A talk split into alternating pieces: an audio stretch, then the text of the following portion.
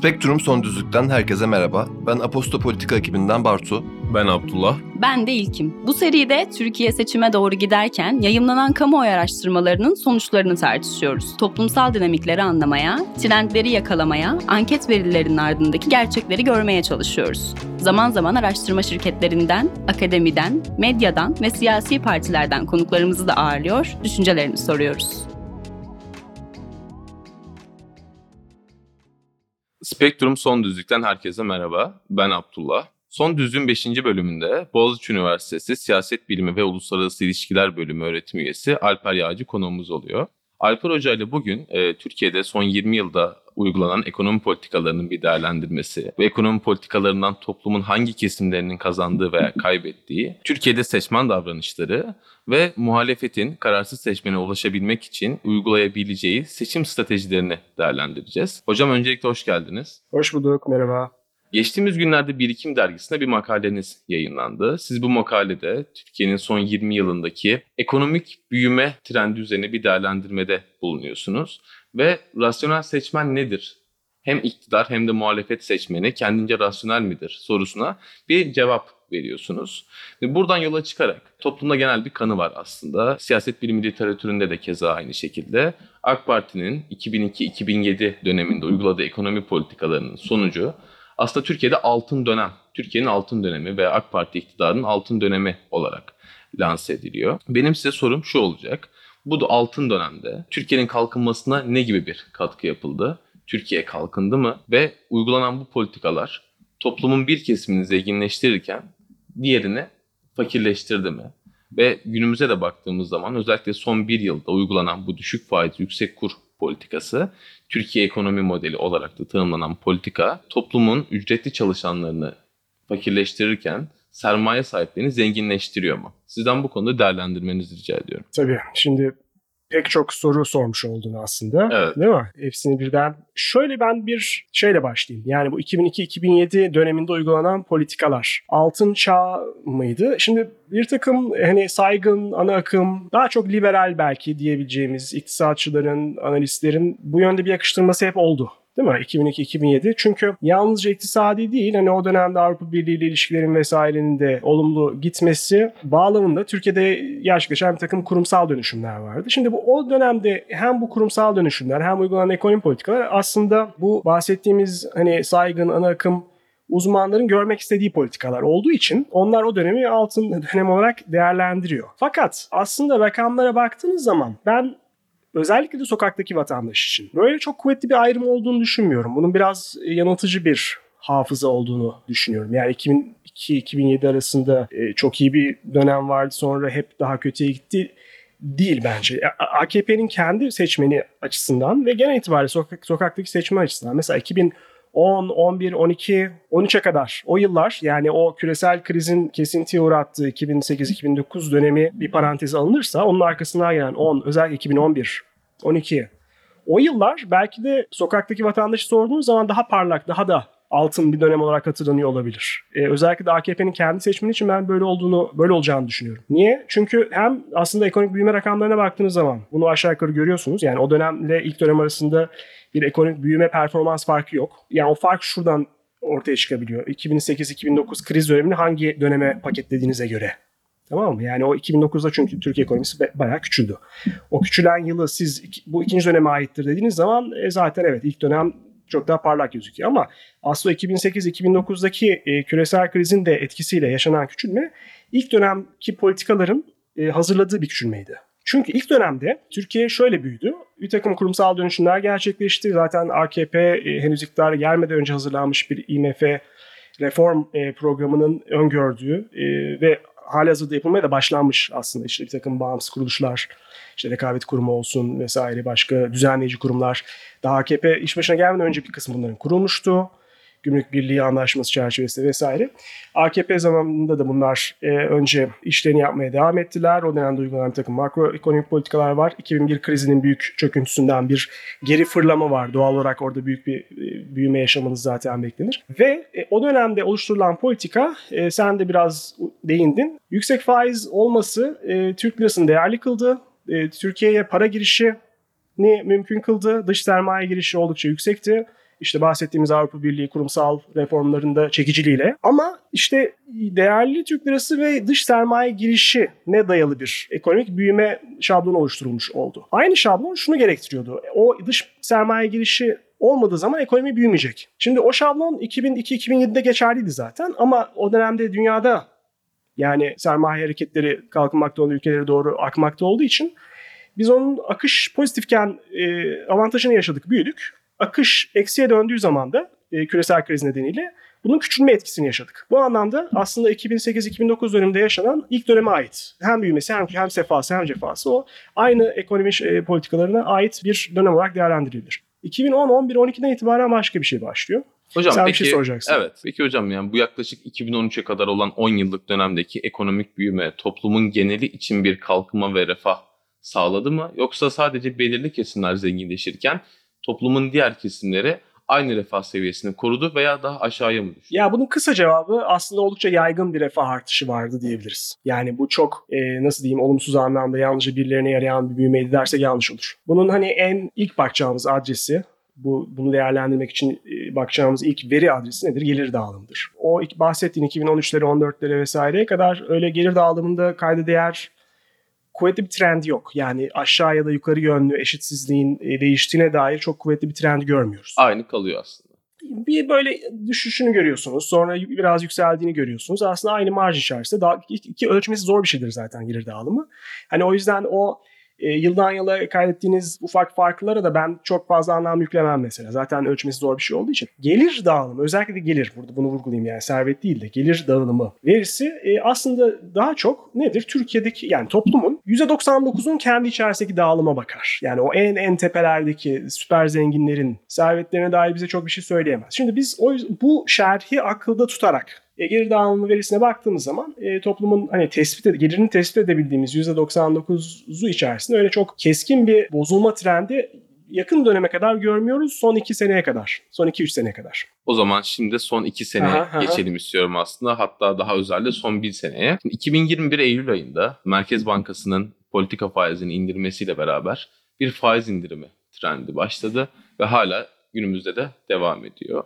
Bu bir yıllık süreçte iktidarın biz yeni bir ekonomi modeline geçtik. Burada düşük faiz, yüksek kur modeli üzerinden ilerleyeceğiz. Bu bize bir ihracat avantajı kazandıracak. İhracat hacmimiz büyüyecek. Oradan gelen dövize cari açık kapanacak gibi ve bir ekonomi modeli vardı ve bu da Türkiye ekonomi modeli olarak aslında topluma lanse edildi. TÜİK'in açıkladığı ikinci çeyrek büyüme verileriyle beraber şunu gördük ki özellikle son iki yılda milli gelirden sermayenin aldığı pay artarken ücretli çalışanların aldığı pay azalıyor. Ki bu timsah kapitalizmi olarak da aslında e, adlandırılıyor. Mesela Profesör Doktor Erinç Yel'den bunu çok fazla dile getiriyor. Siz bu dönemi nasıl değerlendiriyorsunuz? Bu bir servet transferi modeli midir aslında? Ya bu ilginç bir soru, önemli bir soru. Ee, sen hani yeni ekonomi politikasına burada vurgu yaptın. Aslında ben burada biraz daha vurguyu şeye çekerdim. Belki Covid pandemisinin başlangıcından beri buna karşılık uygulanan politikalar. Çünkü o çalışanları çok etkiledi. Yani kapanma, e, iş yerlerinin kapanması, bir takım telafi niteliğinde politikalar uygulandı ama aslında diğer özellikle daha kalkınmış ülkelerle karşılaştırdığınızda çok mütevazi kalan. Yani çalışanların kaybını, iş kaybeden insanların kaybını telafi etmek konusunda çok mütevazi kalan politikalar uygulandı. Şimdi bu aslında bu konuda da şöyle bir teknik bilgi verelim. Yani mesela AKP döneminin geneline baktığınız zaman aslında bu ücretlilerin payının arttığını görürsünüz. Belki şaşırtıcı gelebilir. Yani milli gelirden ücretin aldığı toplamdaki pay artar. Bunun da aslında en önemli bileşeni şu. Yani en önemli sebebi şu. Toplumda ücretli çalışanların oranı artıyor zaten uzun vadede. Yani uzun vadede ne oluyor? İşte zamanında kendi hesabına çalışan, mesela aile çiftçiliğiyle, aile tarımıyla uğraşan işte köylü, çiftçi o. Küçük orta boylu köylü işte şehre taşınıyor. Daha öncesinde kendi hesabına çalışıyor gözükürken ve o kendi hesabına kazandığı para o yüzden milli gelir hesabında işte işletme artı veya kar bizim kar dediğimiz pratikte kategoriye geçerken şehre geldiği zaman ne oluyor? Giriyor bir işe ücretli olarak çalışıyor. Değil mi? Belki daha yüksek bir geliri var artık ama artık bir ücretli. Eskiden değilken artık bir ücretli kategorik olarak. Keza mesela esnaf tamam mı? Yani şehirde bakkal işletiyorsunuz veya küçük bir dükkanınız var, küçük bir iş, işiniz var. Ayakta kalamıyorsunuz. Ee, yani çünkü değişim var ve sizin çocuğunuz artık o işi devam ettirmek yerine ne yapıyor? Kurumsal bir şirkete girip beyaz yakalı olarak çalışmaya başlıyor. Böyle Genç trend- nüfusun iş gücüne dahil olması da aslında bunu etkiliyor Evet, diyebilir yani miyiz? Tabii genç Hı hı. nüfusun e, gittiği trend daha çok ücretli olmaya yönelik. Yani kendi hesabına esnaflık yapmaktan ziyade ücretli olmaya yönelik genel bir demografik böyle yapısal uzun vadeli bir hareket olduğu için zaten sırf bu orantı etkisinden ötürü aslında yani dağılımda o yani kar ücret kavgasında e, nitel bir değişim olmasa bile ücretin payı artıyordu. Ve bunun artmasını beklerdik biz. Yani bu bu yönde bir demografik etki varken demografik değişim varken biz eğer yani o paylaşım kavgasında bir artı ya da eksi yönlü bir değişim olmazsa ücretin payının artmasını beklersiniz gibi gelirdi. Ve ona rağmen şu an azalması yani son iki senedir sanırım azalıyor Evet. dediğin gibi. O zaman bir paylaşım kavgası artık olduğunu Yani buradaki gösteriyor. evet burada artık gerçekten şeyden bahsedebileceğimizi gösteriyor. Yani o oradaki o politik ekonomik evet paylaşım anlamında ücretli kesimin aleyhine dönen bir makas var iki senedir demek ki. Dediğim gibi burada hani uygulanan makroekonomik politikaların hani o faizin etkisi hani o çok dolayımlarla gerçekleştiği için onu ben çok değerlendiremeyeceğim. Yani kim kredi alıyor, o krediyle ne yapıyor, o servetleri nasıl etkiliyor ama e, zaten pandemiden itibaren dediğim gibi e, ücret li kesimin aleyhine dönen bir çalışma ortamı var e, iş yerleri.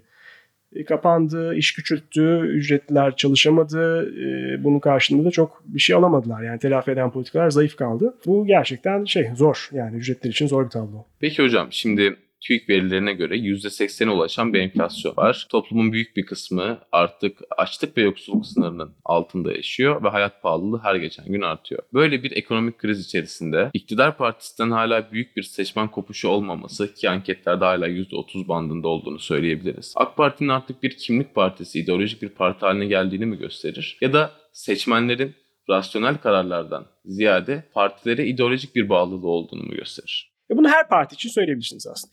Şimdi AKP şöyle baktığınız zaman zaman içerisinde o AKP'nin oy oranı aslında değişti. Yani bir katılık var. Evet, Ama- %50'lerden %30'lara düştüğünü Ya bu önemli bir değişim. Bu da şu demek yani o seçmen kitlesi, o büyük çadırın içerisinde toplanan insanlardan hani o dışarıya daha yakın olanlar zaten bu zamana kadar bir nebze kopmuş zaten. Bir kopma olmuş. Yani o 2000 dediğim gibi 2011'de %50 oy alan parti şimdi anketlere baktığınızda kararsızları dağıttığınızda bile hadi cömert olalım %35 diyelim. %30 da olabilir. O aralıkta vesaire. Belki daha düşük gösteren anketler de var. Yani o e, mesela dediğim gibi biraz daha parti aidiyeti zayıf olan ekonomik seçmen diyeceğimiz insanların bir kısmı zaten kopmuş bile. Yani bir süzülme yaşanmış. O yüzden şu an geri kalan hani o geri kalan e, çekirdeğe yaklaşmış durumdayız. Yani partiden kopmalar oldukça siz en çekirdek seçmen kalmaya başlıyor. Peki o çekirdek seçmen hani kimlik aidiyetleri üzerinden AK Parti'ye bağlı olan ve ekonominin gidişatından bağımsız olarak bu partiye olan aidiyetini sürdürecek olan seçmen midir? Buna dair bir öngörünüz var mı? Yani bir kısmı mutlaka bunu her halükarda sürdürecektir. Yani buna dair bir rakam vermek çok zor tabii. Yani o %30'un 30-35 her neyse onun içine yüzde kaçı gelişmelere bağlı olarak kararını gözden geçirebilir. Hani bunun rakamlarını kimse kolay kolay veremez ama şunu da ben vurgulamak isterim. Yani o kimlik dediğimiz şey de tamam kısmen dediğimiz gibi aileye giden, jenerasyonları aşan hani belli bir siyasi çizgiye bağlılık üzerinde yükseliyor ama kısmen de şu var. Yani bu parti de 20 yıldır bir performans ortaya koymuş. Değil mi?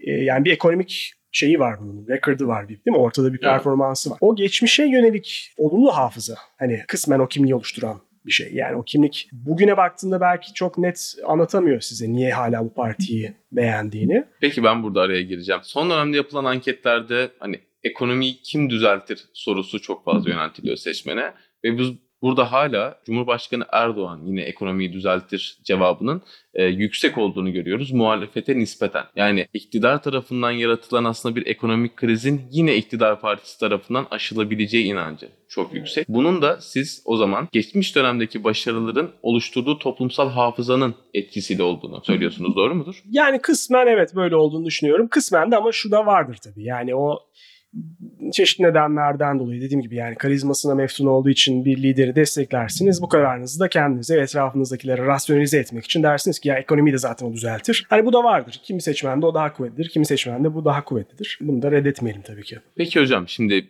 bu podcast'in başında da belirttiğim Birikim dergisinde yayınlanan makalenizde aslında şunu iddia ediyorsunuz. Şu an iktidar partisine e, belirli ekonomik çıkarları gözeterek oy veren seçmen de, ekonomik krizden yakındığı için muhalefete oy verecek olan seçmen de rasyonel seçmendir. Bunu açar mısınız yani? Rasyonel seçmen nedir? Ben tam olarak böyle demedim aslında. Ben şu, şunu demek istiyorum o yazıda. Yani ben aslında bu rasyonel kelimesini çok kullanmayalım demek istiyorum. Bu da zaten... Öneriniz var mı rasyonel yerine? önerim şu. Yani şimdi zaten kimse kimseye rasyonel pek demiyor. Herkes bunun tersini daha çok kullanma eğiliminde. Yani nasıl karşı tarafın rasyonel olmadığını e, göstermek, anlatmak için daha çok kullandığımız bir kelime. Yani biraz daha böyle etiketlemek amacıyla kullandığımız pejoratifleşmiş bir kelime. Bu peki aslında ne? Yani bu akademik bir terim aslında. O yüzden hani burada bilmiyorum yani kusura bakmayın biraz akademik bir tartışmasına girelim bunun o zaman. Çünkü bu hani dedemizin, anneannemizin kullandığı bir kelime değildi. Biz bunu akademiden öğrendik. Kullanacaksak akademik anlamına uygun kullanalım.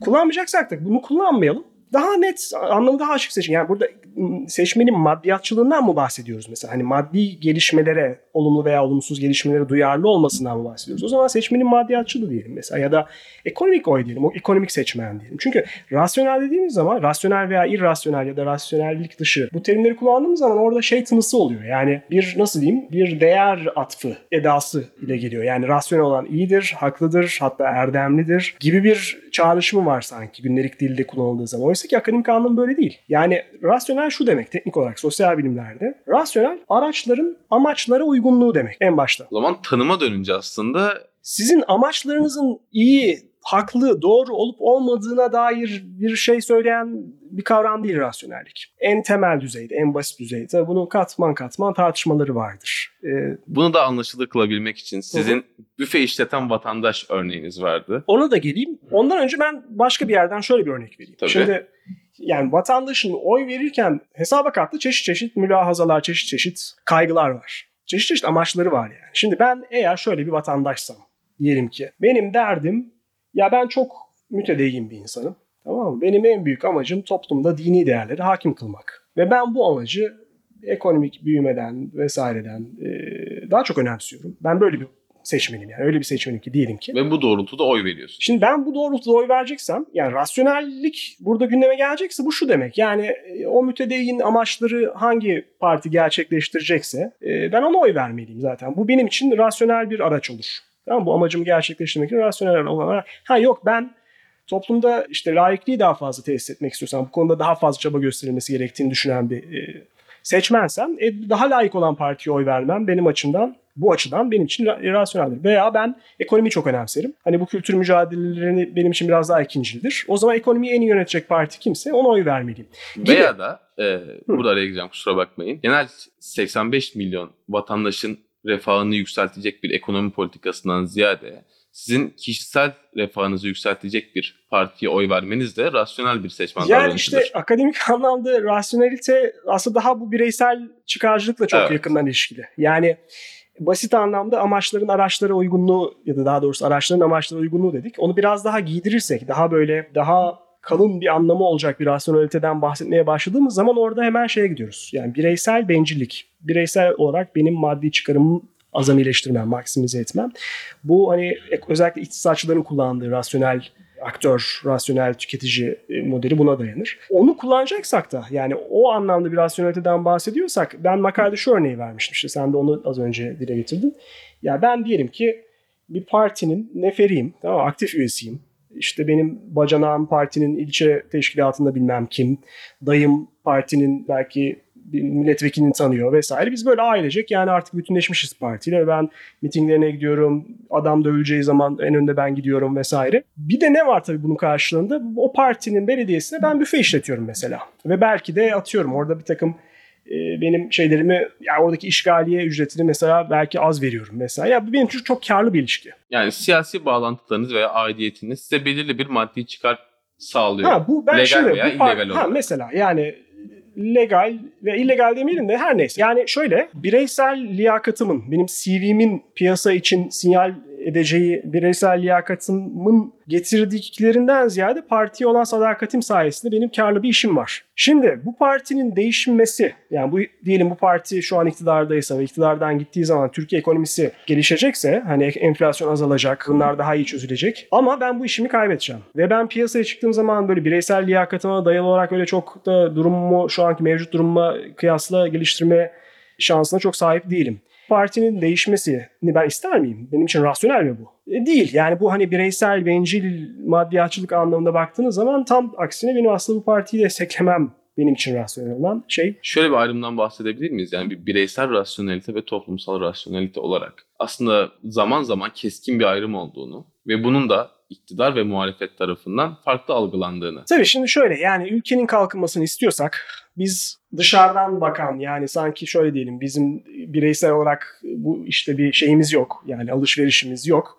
Ama ben tarih önünde uzaktan baktığım zaman e, Türkiye'nin kalkınmasını istiyorum, müreffeh olmasını istiyorum, uzun vadede doğru politikalar uygulamasını istiyorum. Yani böyle genel bir program vadeden partiler tabii bu amaca daha uygundur. Değil mi? Yani o parti demeli ki ben iktidara geldiğinde Türkiye'yi kalkınacak şu şu işleri yapacağım. Biz buna daha çok programatik partiler veya programatik siyaset yapma biçimi deriz. Yani benim şöyle bir programım var arkadaşım. Bir de bunun karşısında bir bunun e, alternatif veya zıttı gibi düşünülebilecek klientelizm dediğimiz bir şey vardır. Nedir o? Ya benim çok böyle katı bir programım yok da senin oyunu almak için ne gerekiyorsa ben onu yapmaya hazırım. Ve bunu da her seçmen grubunu küçük parçalara ayırarak o seçmen grubunun istediği ufak faydaları, ufak ödülleri ona sunarak böyle paket paket farklı grupların, kritik yerlerdeki grupların özellikle oylarını almaya çalışan parti. Buna klientelizm diyoruz. Klientelist. Hocam buradan o zaman şimdi muhalefete biraz konuyu taşımak istiyorum. Şu an aslında muhalefet partilerinin veya altılı masada diyebiliriz daha dar anlamıyla e, varsayımının şu olduğunu düşünüyorum. Çok büyük bir ekonomik krizin içerisindeyiz. Son 24 yılın en büyük enflasyon oranının içerisindeyiz. Toplumun hemen hemen tamamı sadece e, çok küçük bir kesim hariç bir yaşam mücadelesi veriyor. Temel ihtiyaçlara dahi ulaşmakta zorluk yaşıyor. Dolayısıyla artık seçmen iktidara oy vermeyecektir. Ve ben de bu seçmeni kazanmak istiyorum. Şimdi mesela Kemal Kılıçdaroğlu'nun helalleşme söylemleri genelde iktidar partisinin çekirdek seçmenine ulaşma çabası aslında. Ama siz de diyorsunuz ki bazı durumlarda Türkiye siyasetinde özellikle bireysel rasyonelite toplumsal rasyonelitenin önüne geçiyor. Yani iktidar partisinden maddi olarak çıkarı olan seçmen yine aynı partiye oy vermeye devam edecektir. Bu noktada muhalefete bakarsak iktidar tabanından oy kazanmak için daha kimlik temelli bir siyaset mi yürütmeli yoksa daha ekonomi politikalarının ve ekonomik krizlerin ön plana çıkarıldığı daha Aha. tırnak içinde rasyonel bir seçim stratejisi Aha. mi benimsemeli? Ben yine bu rasyonel terimini kullanmayacağım. Yani burada bunu artık bırakalım derim. Bu soruyu da şöyle ikiye bölerek cevap vereyim. Ee, cevaplayayım. Kriz içerisindeyiz. Doğru. Önemli sıkıntılar var. Bu ama şöyle bir kriz. Yani zamanında biz daha eskiden mesela ekonomik kriz deyince ne anlardık? Mesela en tipik örneği işte 2001 krizi. Bankaların bat. Bankalar batar.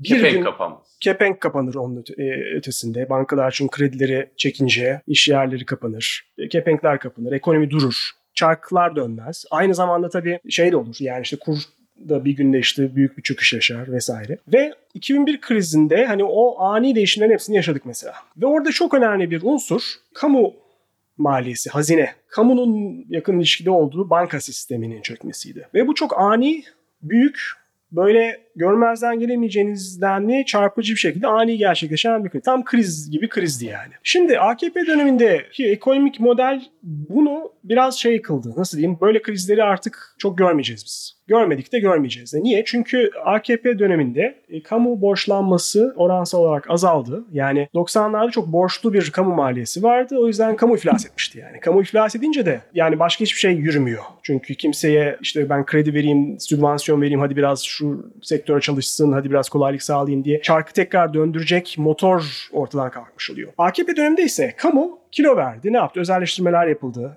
Özellikle kamu e, sanayi sektörü böyle bir istihdam kapısı olmaktan çıktı. Hem belediyeler falan biraz daha istihdam kapısı ama merkezi hükümet, merkezi bütçe bir istihdam kapısı olmaktan çıktı. Kilo verdi. Çok çok özelleştirmeler yapıldı. Zaten pek çok vergi artışı yaşandı. Dolaylı vergiler çok arttı. Böyle olunca da kamu maliyesi daha böyle disiplinli bir şey içerisinde götürülüyor. Ve kamu borçlanması o kadar yüksek değil.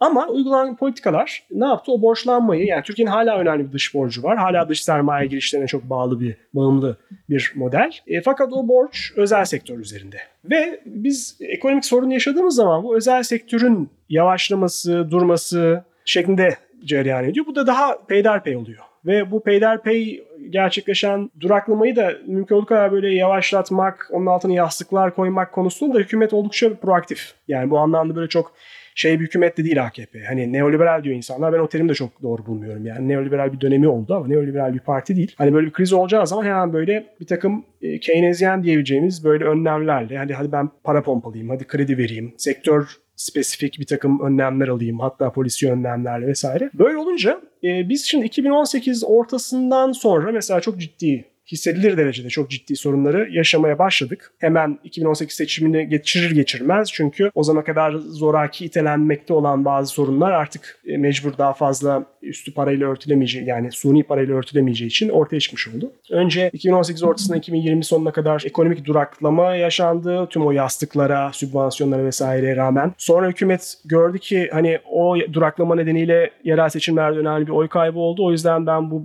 genel seçimde yaşanmasın diye bu sefer daha büyük para pompaları açılarak, krediler açılarak, sübvansiyonlar verilerek e, bu sefer enflasyon ve kur istikrarsızlığı pahasına bir ekonomik Ekonomik büyüme, evet. ihracatı dayalı bir ekonomik büyüme e, yakalanmaya çalışıldı ve yakalanmış da gözüküyor aslında. Ha, vatandaşa o pek yansımıyor çünkü bir yandan da fiyatlar aldı başını gidiyor vesaire. Şimdi bu anlamda hani bu biraz dolaylı belki uzun yanıtlamış oldum ama hani nasıl bir kriz yaşıyoruz? Evet bir kriz içerisindeyiz bence. Yani sıkıntı yaşıyoruz değilim ama bu o 2001'de olduğu gibi veya hatta 2009'da olduğu gibi bile çok ani bir çöküş şeklinde gerçekleşmediği için bir kere o şey vatandaşa bu sıkıntıyı anlatmakta muhalefet biraz bu yüzden zorlanıyor bence. Bir kriz içerisinde olduğumuzun somut delili aslında en azından bazı kesimlerin görebileceği yok. Kanıksandı. Evet. Yani zaman içerisinde yavaş yavaş bu kriz gerçekleştikçe vatandaş her gün ona yönelik önlemlerini biraz daha alıyor. O, onu yeni fiyatlara yansıtıyor vesaire derken bir anda çökmüyor da o isyan etmesine yol açacak bir an anlık çöküşü o, o gün asla gelmiyor. Ama her gün biraz daha evet hayat standartları düşüyor. Ama biraz da kanık yani psikolojik olarak kendi bunu adapte etme, kanıksama özelliği gösterebildiği için de muhalefetin bu ekonomik sıkıntıları bir kriz çerçevesi içerisinde anlatması bir kere bu yüzden böyle bir zorluğu var. Hı hı. İkincisi medya tabii ki. Yani Türkiye'de böyle bir basın özgürlüğü olan bir ülke değil şu an açıkçası. Çok bariz bu. Yani medyanın ekonomiyi aktarış biçimi tabii önemli. Yani çünkü çoğu insanın şimdi sosyal medya diyoruz özellikle gençler vesaire ama Türkiye'de çok büyük bir çoğunluğun ana ve aslında başlıca formel haber kaynağı hala televizyon haberciliği. Televizyon, ak- akşam olunca televizyon açıyorsunuz. Televizyonda ne görüyorsunuz? Ve e, bu çok önemli. Yani bu konuda işte akademik çalışmalarımız da var. Ben makalemde de bahsediyorum. Çarşıda pazarda fiyatları görseniz de en azından hani dedin ya yani sorunlar var ama o sorunları da yine iktidar partisi çözer. Algısını yaratabilmek için medya çok çok önemli.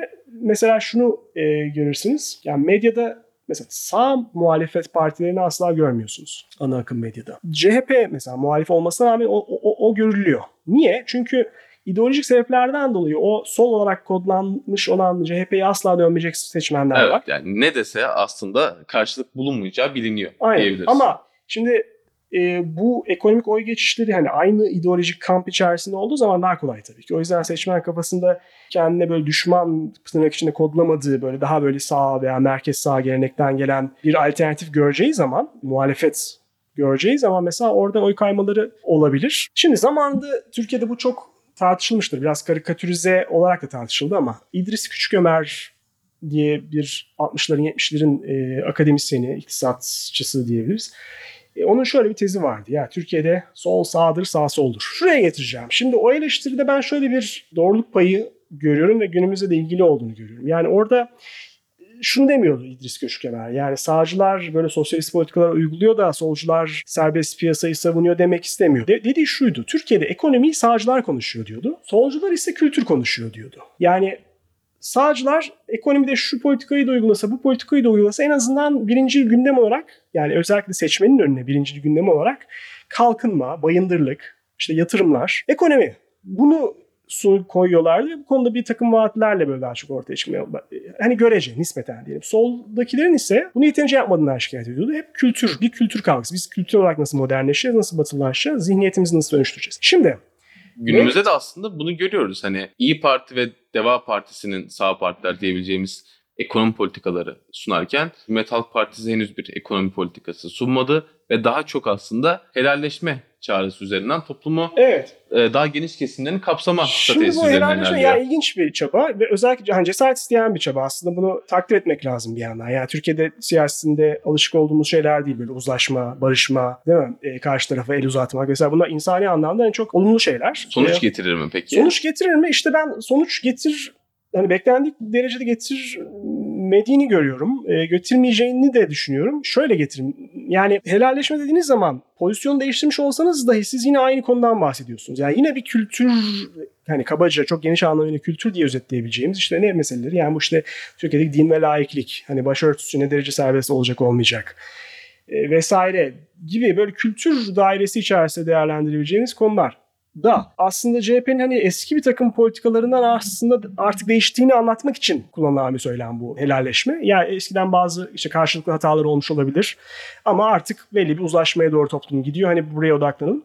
Bu hani olumlu olmakla birlikte hala şeyi konuyu tartışmayı o kültür dairesinde tuttuğu için bence biraz belki patinaj etkisi yaptığını düşünüyorum. Aslında yani CHP mesela eğer zamanında e, özellikle merkez seçmen veya sağ seçmen adına şikayet kaynağı almış, tepki kaynağı almış bir takım pozisyonlarla özdeşleşmişse ge- geçmişte özellikle mesela başörtüsü konusunda hani bunu artık değiştirdiğini bu kadar yüksek sesle söylemek yine belki o ses hakkını yani konuşma e, alanını e, belki daha fazla ekonomik politikalardan bahsederek kullanmak da alternatif strateji olabilir. Öbür tarafta da karşıt yönde konuşmazsınız. Yani başörtüsü konusu gündeme geldiği zaman "Ha, biz bunu yasaklayacağız vesaire demezsiniz. Değiştiğinizi öyle belli edersiniz. E, ama bakın biz değiştik, zamanında böyleydik, şimdi değiliz. O konuyu konuştukça o olumsuz hafızayı tetiklemek ve onu tekrar hatırda tutmak etkisi de olabilir gibime geldiği için ben bunun e, bir seçim kampanyası olarak efektifliğine biraz şahsen böyle soru işaretiyle bakıyorum ama bilmiyorum. Yani bunu sahada inceleyip görüyorlardır. Olumlu karşılığını, karşılığını görüyorlar mı, görmüyorlar Yani mı? aslında toplum hafızasında yer etmiş e, ve belirli partilerle, ideolojilerle özdeşleşmiş sorunların tekrar o kısır döngü içerisinde gündeme getirilmesi, daha somut problemlerin göz ardı edilmesine ve o toplumdaki e, karşıt hafızanın canlandığını söylüyorsunuz. Ve muhalefet için daha somut konulara odaklanan, özellikle günümüzde yaşadığımız problemlere odaklanan bir söylem, seçim stratejisinin daha uygun olabileceğini evet, şey- söylüyorsunuz. Dikkat çok kıt bir kaynak artık. Bu pazarlamada, tüketim çalışmalarında da çok vurgulanan bir şey. Yani seçmenin sizi dinleyeceği belli bir e, kısıtlı zaman var. Zaten kısıtlı bir medya ortamı var. O ses hakkını, o süreyi siz nasıl kullanacaksınız? Neyi daha çok hatırlatmak, gündeme getirmek istiyorsunuz? E, belki bunu farklı biçimlerde düşünebilir muhalefet. Hocam çok teşekkür ediyorum. Ee, Spektrum Son Düzlüğün 5. programının sonuna geldik. Sayın Alper Yağcı bugün konuğumuzdu. Size tekrar teşekkür etmek istiyorum değerli katkılarınız için. Haftaya görüşmek üzere.